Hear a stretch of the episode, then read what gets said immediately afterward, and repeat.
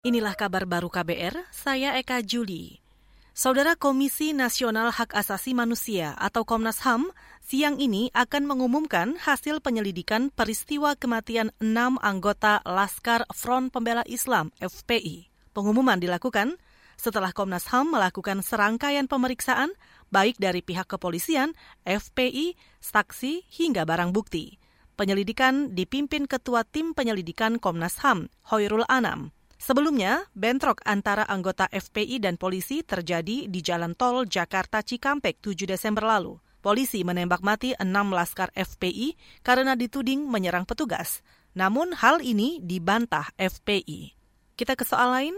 Kerusakan jalur Pantura Semarang Surabaya menuai protes dari masyarakat pengguna jalan.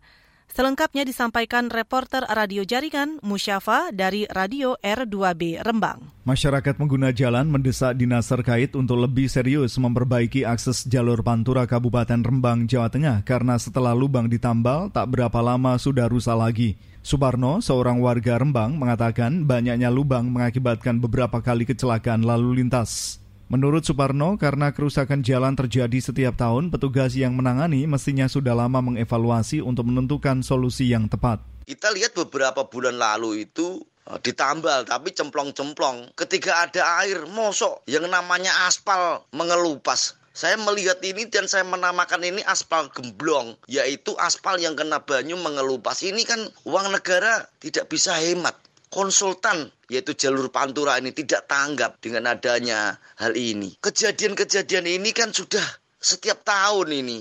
Sementara itu pihak Bina Marga sudah turun melakukan penambalan lagi ke titik-titik jalan rusak di sepanjang jalur Pantura Kabupaten Rembang penghubung Semarang Surabaya. Saat ini sifatnya masih pemeliharaan rutin.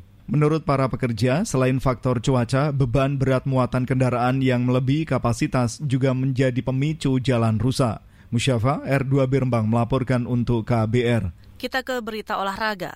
Petenis asal Swiss, Roger Federer, mundur dari turnamen Australia Terbuka. Ini adalah kali pertama dia mundur dari Australia Terbuka lantaran harus pemulihan kondisi kesehatan pasca dua kali operasi lutut. Mengutip Antara News, Federer absen sejak Februari 2020, namun sempat kembali latihan dan masuk dalam daftar Grand Slam pembuka di Australia. Pengumuman mundurnya Federer disampaikan Ketua Penyelenggara Turnamen Tenis Grand Slam Australia Terbuka Craig Tiley hari ini. Sementara itu, penyelenggara Australia Terbuka 2021 berharap turnamen bisa diikuti banyak petenis, terutama petenis top dunia. Harapan itu disampaikan karena dunia pertenisan juga terdampak pandemi COVID-19. Australia terbuka akan dimulai pada 8 Februari 2021. Saudara demikian kabar baru, saya Eka Juli.